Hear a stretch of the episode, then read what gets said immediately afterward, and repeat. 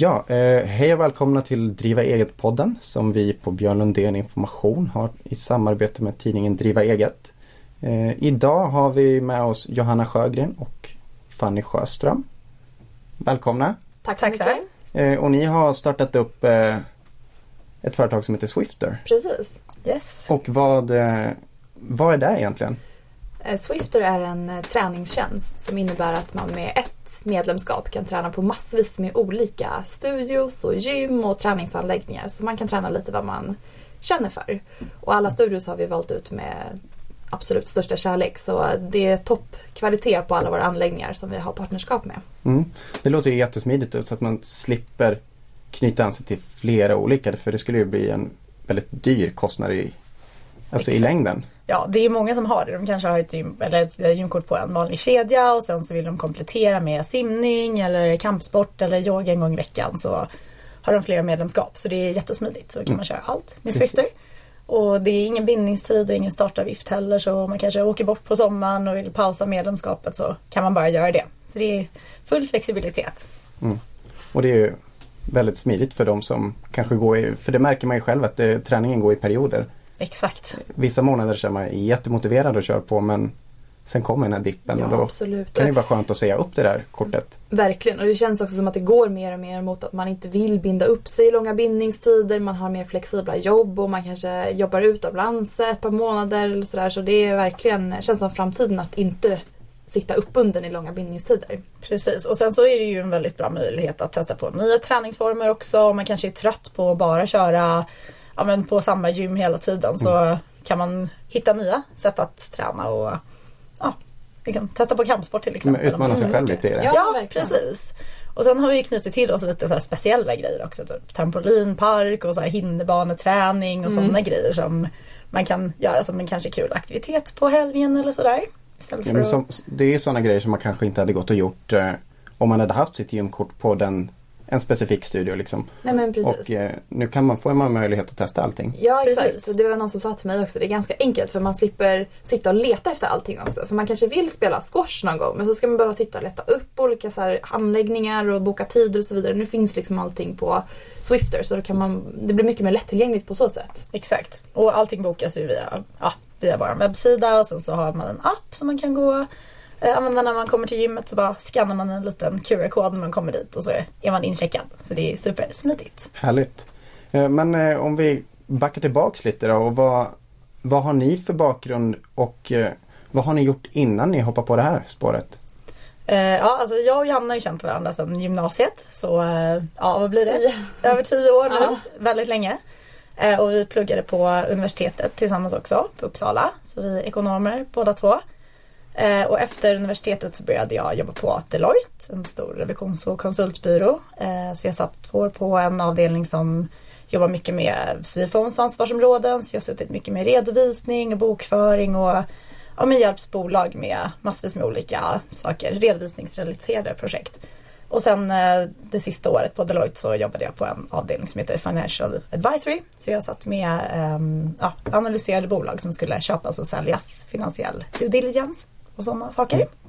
Ja, och efter um, Uppsala då så började jag jobba på H&M.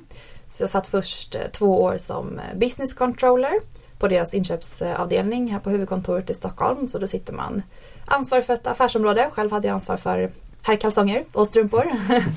Ehm, och så sitter man och coachar egentligen. ehm, ja, kvantifierar eh, olika kvantiteter och coachar uh, inköpare och assistenter i hur de ska tänka kring eh, inköp och ansvar för budgeten helt enkelt. Eh, och sen flyttade jag med H&M till Holland och började som försäljningsansvarig för herr och barnkonceptet.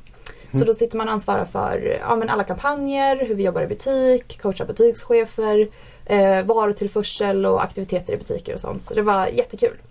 Mm. Och det var väl där vi sprang på, eller jag sprang på det här konceptet. Ja men precis, vart, vart kom den här Ja, idén upp egentligen? ja. Att ni skulle starta, alltså egentligen börja starta eget företag och köra själv? Ja men precis. Ehm, Jag bodde i Holland i ett och ett halvt år ungefär och sista halvåret så flyttade jag till, eller sista tre månaderna så hade jag precis flyttat till Amsterdam och där kom jag i kontakt med den här typen av affärsmodell. Som innebär då att man med ja, ett medlemskap kan träna på massvis med olika anläggningar. Eh, Och tyckte det var smart. Ringde hem till dig. Ja, jag tyckte också att det var väldigt smart. och då gick det väl ganska fort. Um, ja, det tog väl ungefär en månad lite drygt så hade vi sagt upp oss. Eller Johanna hade sagt upp sig jag tog tjänstledigt mm. och så bestämde vi oss för att köra helt enkelt. Mm. Men eh, hur kände ni inför där? Alltså, var det ett tufft beslut att säga upp sig eller var det liksom en självklarhet? Var det ingen rädsla i att lämna liksom, tryggheten med fast inkomst och, jo, och allt det? Absolut. Vi hade ju pratat ganska länge om att starta eget och för både, jag tror att jag talar för båda men det har varit en väldigt stor dröm som vi har haft sedan väldigt många år tillbaks.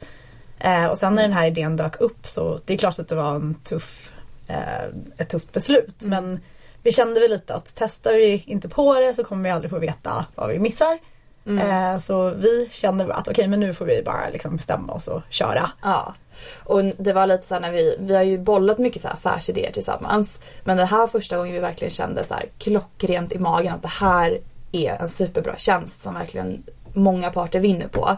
Och jag tror det, och menar, vi har ju bakgrund också, du eh, älskar att träna, jag har liksom ridit mycket och sådär. Jag är gammal elitdansare så det, det ligger ju oss varmt om hjärtat liksom hela tränings och hälsobiten. Så jag tror det var också en bidragande faktor till att det kändes enkelt, att det är någonting man gillar liksom. Men precis. Exakt. Men känner ni att det är eran liksom, träningsbakgrund och det ni har hållit på med påverkar det lite vad man väljer att få ta in för alltså, olika gym och olika träningsmöjligheter eller hur, hur går tankarna kring det?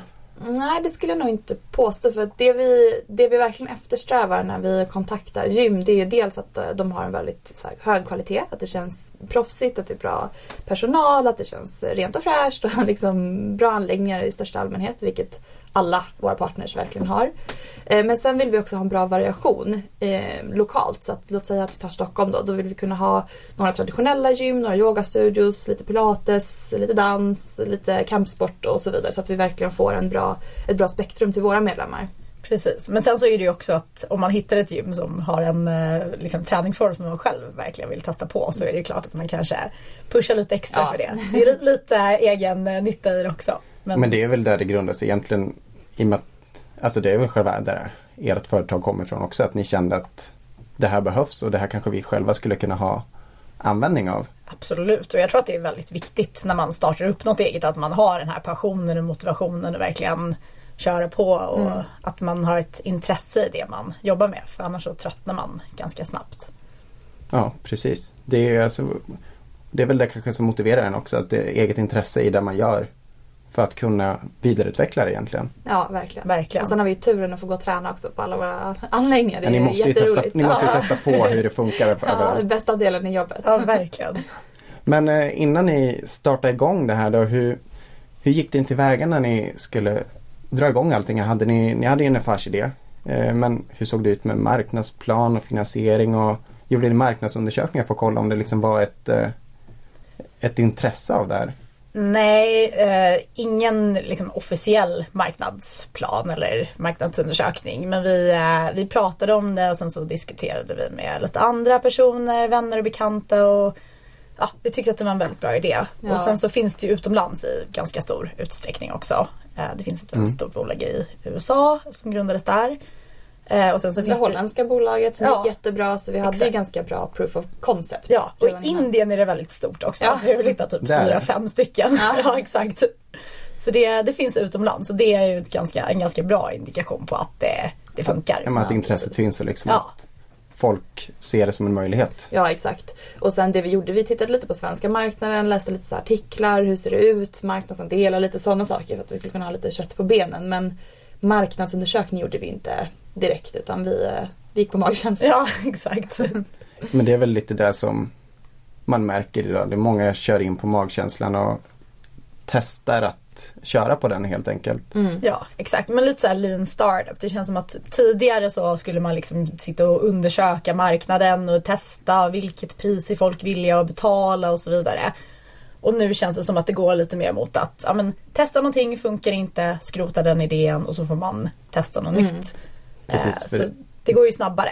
Ja, bara köra. Mm. Och det känns väl som att det är det liksom alla, alltså, jag tänker gymnasieskolor och kanske mot högskolor också. Att det, det finns en plan för hur man ska göra egentligen. Men det är väl kanske inte alltid den funkar. Det är enklare att köra på sitt eget sin egen, sina egna intryck egentligen. Precis, och det vi har gjort väldigt mycket det är att, alltså, jag menar jag och Johanna är ekonomer och vi kan ju Mm. ingenting om utveckling eller vi hade inte startat ett techföretag tidigare. Hade aldrig varit i gymbranschen. Nej, precis. Så vi, ehm, vi såg till att liksom träffa folk som har Mm. gjort, eh, som har den kunskapen som vi behövde. Så träffat allt ifrån men, bolag som är grundat, eller grundare till techföretag, till olika personliga tränare, folk Mm. Ja. som driver gym. Vi körde en workshop precis innan vi startade igång med lite mm, eh, gymanläggningar och som, ja, lite ägare till olika gym och lite PTs och sånt för att verkligen höra vad tror ni är viktigt, vad borde vi satsa på? Så vi har ju, ja men som du säger, vi har lyssnat mycket. Mm, verkligen. Och sen så har vissa kommit med jättebra tips och vissa har kommit med mindre bra tips och vissa har kommit med både bra och dåliga tips. Men då har man liksom ja, men plockat russinen ur kakan lite och det är väl det som har liksom format hela bolaget egentligen. Input Precis. från folk Ja, som verkligen. faktiskt har mer erfarenhet än vad vi har. För det måste ju ha varit en svårt grej. Alltså ni säger det, ni är ekonomer i grunden. Och om man startar, bara startar en hemsida. Det är ganska enkelt att starta en hemsida men Mm.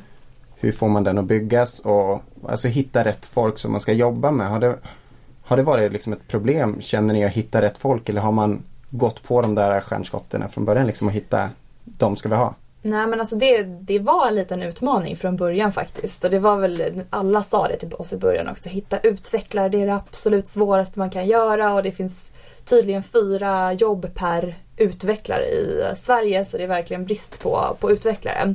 Så vi, men vi såg det lite som en utmaning. Så vi träffade massvis med dels liksom utvecklare men även typ webbyråer och ja, olika typer av format av Ja, gud, ja. utveckla. Ja, det tog lite tid. Men, och det tar ju ett tag innan man springer på rätt. Det, det gjorde det. det. Vi satte väl igång i maj 2016. Mm. Och Jesse då, våran CTO, han började med oss i augusti. Så det tog ett par månader. Och fram tills att han kom in i bolaget var det bara jag, Fanny och en pdf. Mm, det var lite kämpigt. Men eh, vi kände lite så hur svårt kan det vara? Och liksom Ja. köttar man bara på och ser till att eh, ja, leta tillräckligt li- länge så hittar man ju någon till slut. Och det har blivit mycket så att man har man, man ser sin idé, man vet vad man hur, eller egentligen hur det vill, eh, man vet hur det, att det ska se ut i huvudet. Man har sin bild av allting. Och Exakt. sen så får man leta sig fram på informationen själv. Liksom, vad behöver vi för att få fram det här? Precis. Och sen så handlar det också om att tro på det tillräckligt mycket för att hitta en, ja men om det är utvecklare man letar efter, hitta någon som och övertyga den personen att det här är en så bra grej så att den tror på det lika mycket som en själv. Och det var ju så vi fick in Jesse och han är ju helt fantastisk Ja. en del av vårt team. Och sen så vi brukar säga också att man ska ha tilltro till sig själv och sin egen kapacitet och sin egen förmåga. Och det brukar vi alltid känna att vi kan landa i. Nej, vi kanske inte har en utvecklare än. Men vi kommer få det, för vi kommer hitta rätt person. Om vi bara träffar tillräckligt mycket personer och ja, men, ger det den tiden det behövs. Liksom. Och det brukar vi alltid känna när vi står inför svåra situationer. Att ja, men det är, nu ska vi lösa det här och hur svårt kan det vara? Ja, Mm, verkligen. Precis. Men eh, när man tänker liksom i utvecklingen för ert företag. Då sitter ni själva och spånar på de idéerna och ser liksom det här vill vi få med igen eller, eller få med framöver. Eller har ni hjälp där också nu när ni har kommit en bit att ni liksom har folk som hjälper er att spåna på idéer och se liksom en funktionalitet som kanske är bättre än den vi har idag?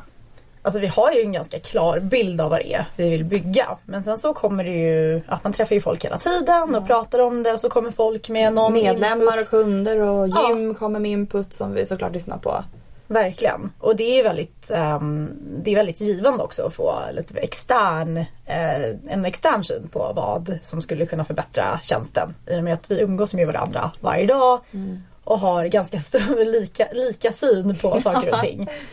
Men hur, hur fungerar det? Ni säger båda att ni är väldigt lika liksom, i personlighetsmässigt. Hur, hur fungerar det i själva företagandet att ni är så lika? Känner ni ändå att det är någon som kanske bromsar upp mer än den andra? Eller vad har ni för personligheter i, i företagsrollen om man säger så? Alltså till att börja med så är vi båda eh, generalister. Så vi är liksom lite, dukt, eller lite duktiga på ganska mycket. Så vi är Exakt. inte så, så specialiserade på det sättet. Och det gör väl att vi kan ta tag i ganska många olika bitar båda två. Sen eh, brukar det väl gå lite upp och ner vem det är som drar eller bromsar. Och, Ja, precis. Ja, men vi, vi har ju känt varandra så pass länge så vi vet ju att vi funkar tillsammans och vi vet hur vi ska jobba tillsammans och så. Jag kanske brukar hålla lite, vara lite mer håll, återhållsam med eh, kostnader. men, det jag är, springer lite. men det är väl egentligen ja. skillnaden. Jag är lite bättre på Excel, Johanna är lite bättre på PowerPoint. Ja. Liksom. Men, eh, Men för det, det har man ju ändå många som pratar om när de ska sätta ihop en grupp för, alltså det är väl egentligen grupparbeten och företagande överlag liksom. Att det är viktigt att få in olika personligheter för att, så att man får det från olika in, insynsvinklar egentligen. Mm.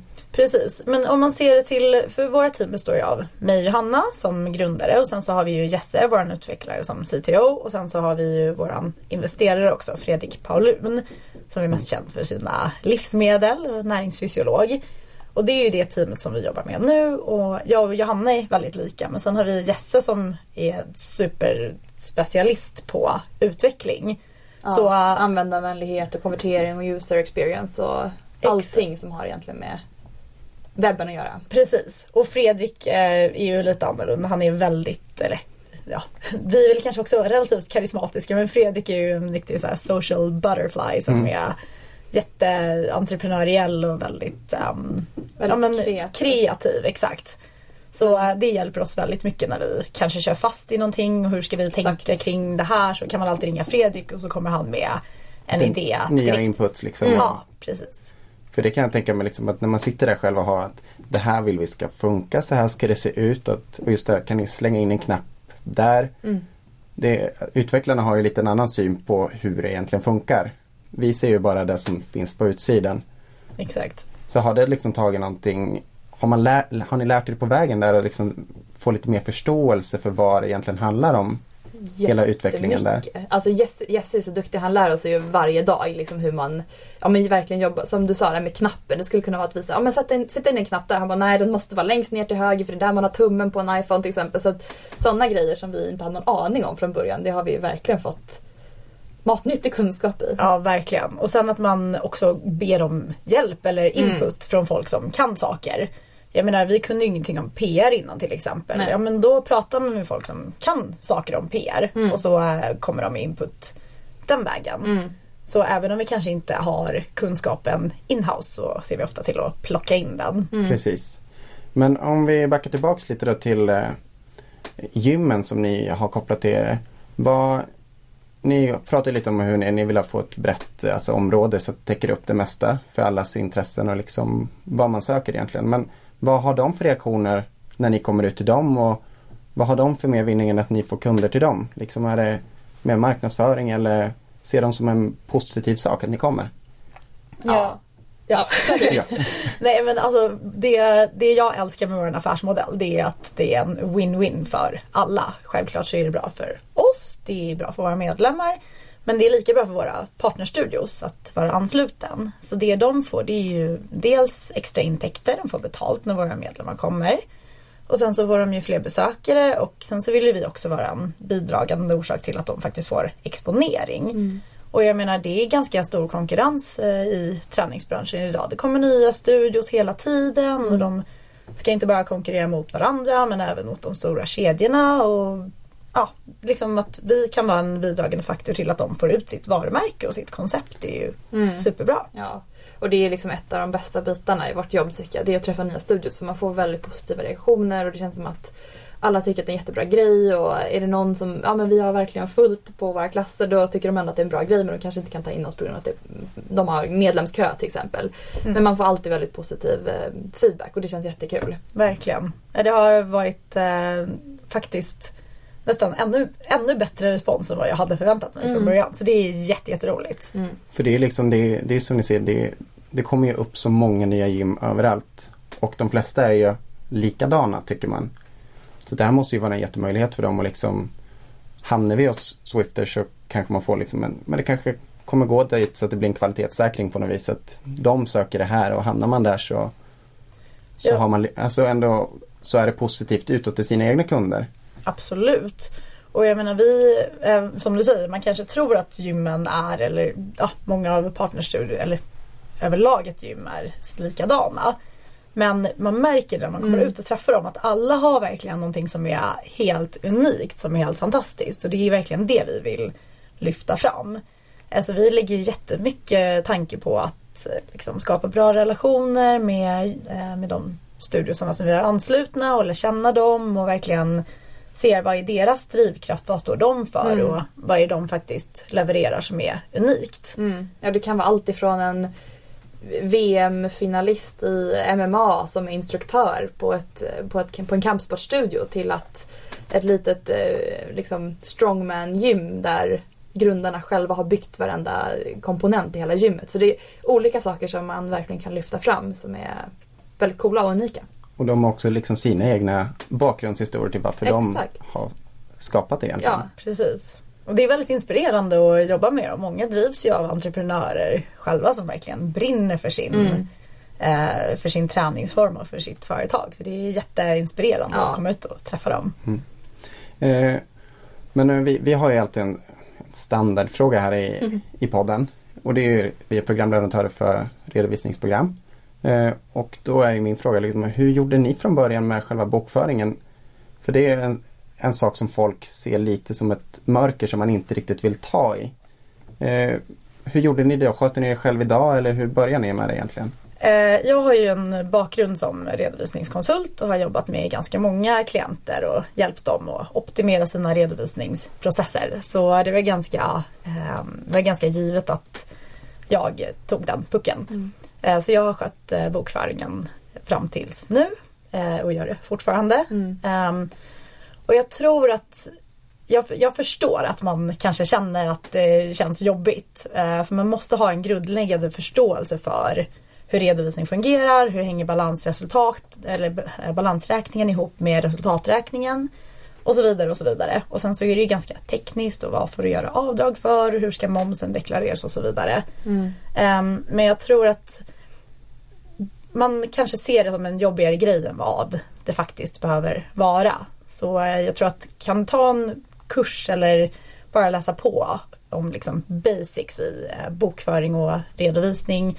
och sen så kan man ju outsourca själva liksom knackandet till någon annan. Men bara så man förstår hur, hur eh, redovisning hänger ihop. Ja men precis, jag kan instämma. Jag är inte lika vass på redovisning som du är. Men eh, att bara ha den här förståelsen gör att man kan faktiskt googla sig till ganska mycket också. Det, det märker jag i alla fall. Om jag ska försöka lösa någon, någon liksom konteringsproblem. Då kan man, det finns Google-svar på nästan allting. Så har man bara grundläggande förståelsen som du säger så kan man lösa det mesta själv. Och jag, tror, alltså startar man precis upp det och kanske inte liksom har, har kommit så långt i sitt företagande.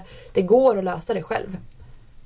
Även om man inte är liksom någon mästare på Så man behöver inte vara rädd för att ta tag i det Nej, verkligen. Nej, det går att ändra. Har man gjort ett fel, det går att göra om det. Ja, det är det som är det absolut bästa med redovisning. Att Mm. det går ju faktiskt, gör man fel så är det bara att göra om det. Mm. Och har man deklarerat in fel, ja men då kan du bara rätta det till nästa period. Ja. Så det är, det är lugnt. Precis, men kände ni att det tog mycket tid där i början eller har det bara flyttit på ganska enkelt för er? Eh, det har inte tagit så jättemycket tid faktiskt. Eh, alltså framförallt i början, man har ju inte så mycket det finns ju inte så mycket att bokföra utan det är väl kanske några banktransaktioner, något lån man har och ja, lite små grejer. Någon deklaration som ska in. ja. Ja, precis. Precis. Så att man egentligen är det bara att man ska få, alltså inse och egentligen folk som sitter där och kanske är lite nervösa på kan jag göra det här själv? Att det, det är inte så svårt som folk förstorar det till att vara. Egentligen. Nej, så det skulle jag också säga. Även fast jag själv inte är någon eh, super redovisningsekonom så tycker jag verkligen det, det är inte så svårt. Nej. Men eh, nu, jag läste ju om er nu igår i tidningen för någon dag sedan här. Eh, att ni har fått in fler partners i Mm. bolaget. Att ni har Precis. fått lite hjälp på traven egentligen kan man väl se det som framåt. Ja, jag har fått in nya delägare och tillika investerare. Så Ja. det känns jätte, jätteroligt. Och hur ser ni på den möjligheten? Har ni stora alltså, framtidsvisioner om utveckling och hur det ska gå vidare liksom och så då? Eller vad, vad känner ni att det här kan bidra med för er då? Precis, vi har ju tagit in eh, dels ett riskkapitalbolag som heter Well Street eh, som investerar i ganska tidiga startups och sen har vi tagit in Bonnier News också. Eh, och båda de part- parterna har ju varit väldigt strategiska från våran sida. Vi är nystartade och eh, Bonnier är ju ett av Sveriges största mediehus. Och är man ny då är det viktigaste att komma ut och synas och att folk liksom ja, känner till oss. Eh, så det är ju anledningen till att vi tog in Bonnier och sen eh, Wall Street är ju superduktiga på att eh, men, starta upp bolag, framförallt bolag inom tech och är duktiga på konvertering och eh, eller ja, användarkonvertering då. och sådana grejer. Så det känns eh, jättekul att ha dem med på tåget. Jag tror att det kan bidra med väldigt mycket mervärde. Jag förstår det. För det, man, man, även fast man har liksom, man, man är ju nöjd med sin produkt allt som oftast. Och liksom, men sen ser man ju möjligheter att utvecklingspotential egentligen. Och det, det är inte alltid man kanske kan göra det men man, nu när ni har blivit lite fler så får ni liksom möjligheterna till vidareutveckling kan jag tänka mig. Ja absolut. Och det känns så himla roligt att man nu med hjälp av Wellstreet och eh, Bonnier News faktiskt får lite muskler och kan marknadsföra sig på ett, eh, på ett bredare sätt. Det känns jätteroligt för vi är väldigt nöjda och stolta över produkten så långt som vi har kommit idag. Men såklart, man kan alltid utveckla mer. Men så är det ju. För det, det är liksom kanske det svårigheten i början när man väljer att starta ett företag. Att det kostar ju pengar. Och liksom hur, hur man ska lösa allting där. Det, liksom, det finns ju företagslån och det och så, men det är alltid en risk att ta liksom på något vis. Och hur, hur, hur resonerar ni kring det liksom riskerna och starta eget och egentligen att hoppa mm. ifrån det här äh, säkra som vi var inne på förut med månadslön? Alltså när vi startade igång så um, stoppade vi egentligen bara in 50 000, alltså minimibeloppet för att kunna starta upp ett um, aktiebolag. Sedan tog vi hjälp av uh, Startup Stockholm eh, som hjälpte oss med ett eh, Almi-bidrag egentligen som är ett startup-bidrag för innovationsföretag. 40 000 kronor tror jag vi fick in där. Mm. Och sen tog vi ett litet Almi mikrolån. Och sen sökte vi ju ängelfinansiär. Så det var ju så vi började egentligen när vi ringde Fredrik som eh, gick in som delägare för ett år sedan ungefär. Precis. För det är väl liksom det man har, det finns ju jättemycket kontaktnät runt omkring som hjälper nystartade företag. Mm. Känner ni att ni har fått den hjälp man söker från dem eller har, är det någonting man har velat fått mer liksom, uppbackning med? Jag tycker att Alltså jag tycker Sverige är helt fantastiskt. Mm. Just när det kommer till att hjälpa företagare med att eh, få igång sin idé och det finns ju hur många initiativ som helst. Och det finns ju många, det här är väl framförallt för techföretag, många så acceleratorer man kan söka in till som eh, är som en liten Inkubator? Ja precis, en crash course i företagande. Eh, och där får man hjälp med finansiering och eh, liksom bygga upp sin pitch och se till att få tillräckligt mycket kunder för att kunna resa ännu mer kapital om det är det man vill. Eh, och sen så finns det ju statliga initiativ, bland annat Startup Stockholm och Almi och sådär. Mm. Och sen har Skatteverket kurser hur man eh, jobbar med moms och redovisning och sådana bitar också. Precis. Så det finns massvis med hjälp att få.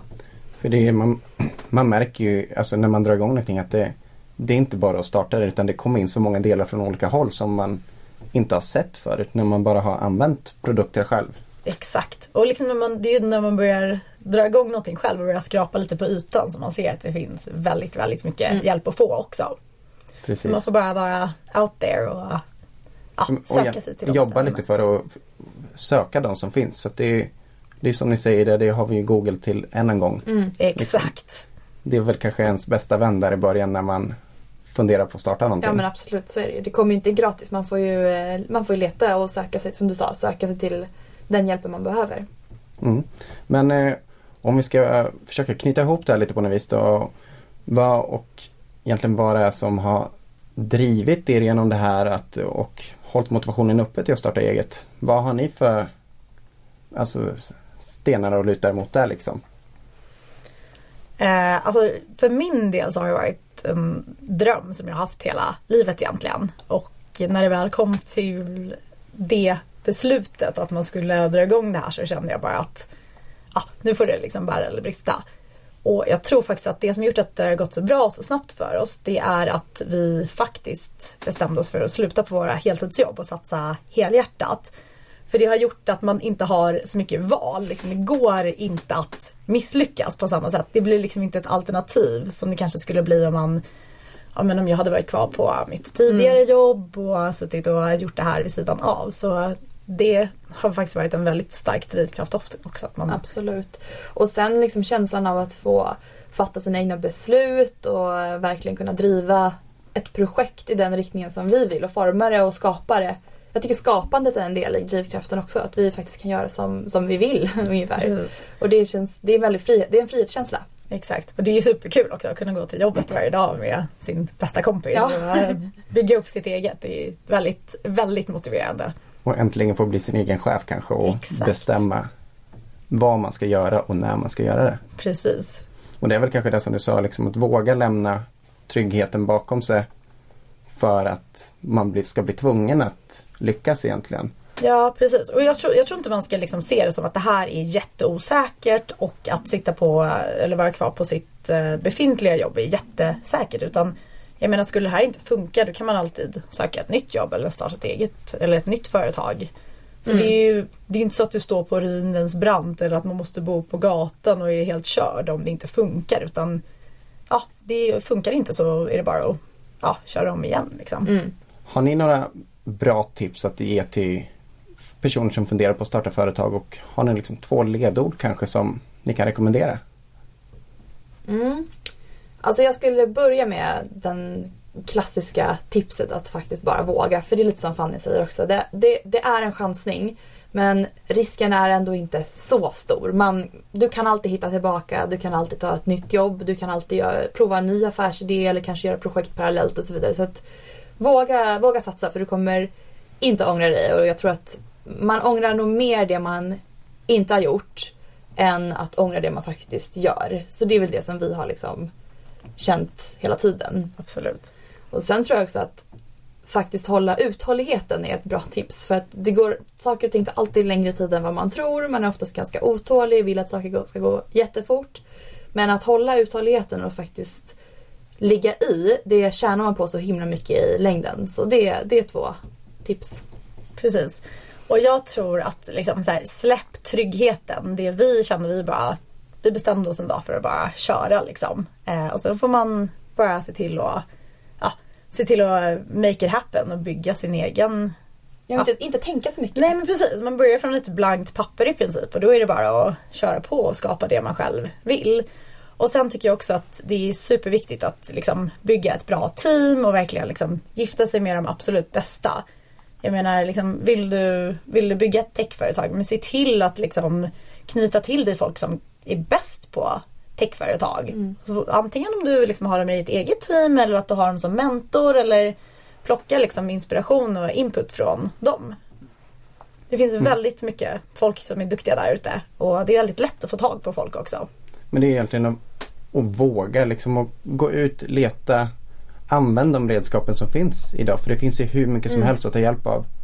Och liksom kör på där och Ja, och lyssna, prata med folk. Ja, men det, är väl, alltså det är väl det som kanske är det viktigaste att lyssna på de som man har frågat. Mm. De, är de kunniga om det så har de inte sagt det bara för att. Då Exakt. kanske man ska ta in vad de säger egentligen. Precis. Det låter väldigt klyschigt med det här våga men det, ja, det är ju verkligen så. Mm. Det är ju där det grundar sig till slut ändå att Det är inte så läskigt. hoppa från kanten och, Ja. och gör det man vill egentligen. Ja. Ja, det är superkul. ja. Jätteroligt.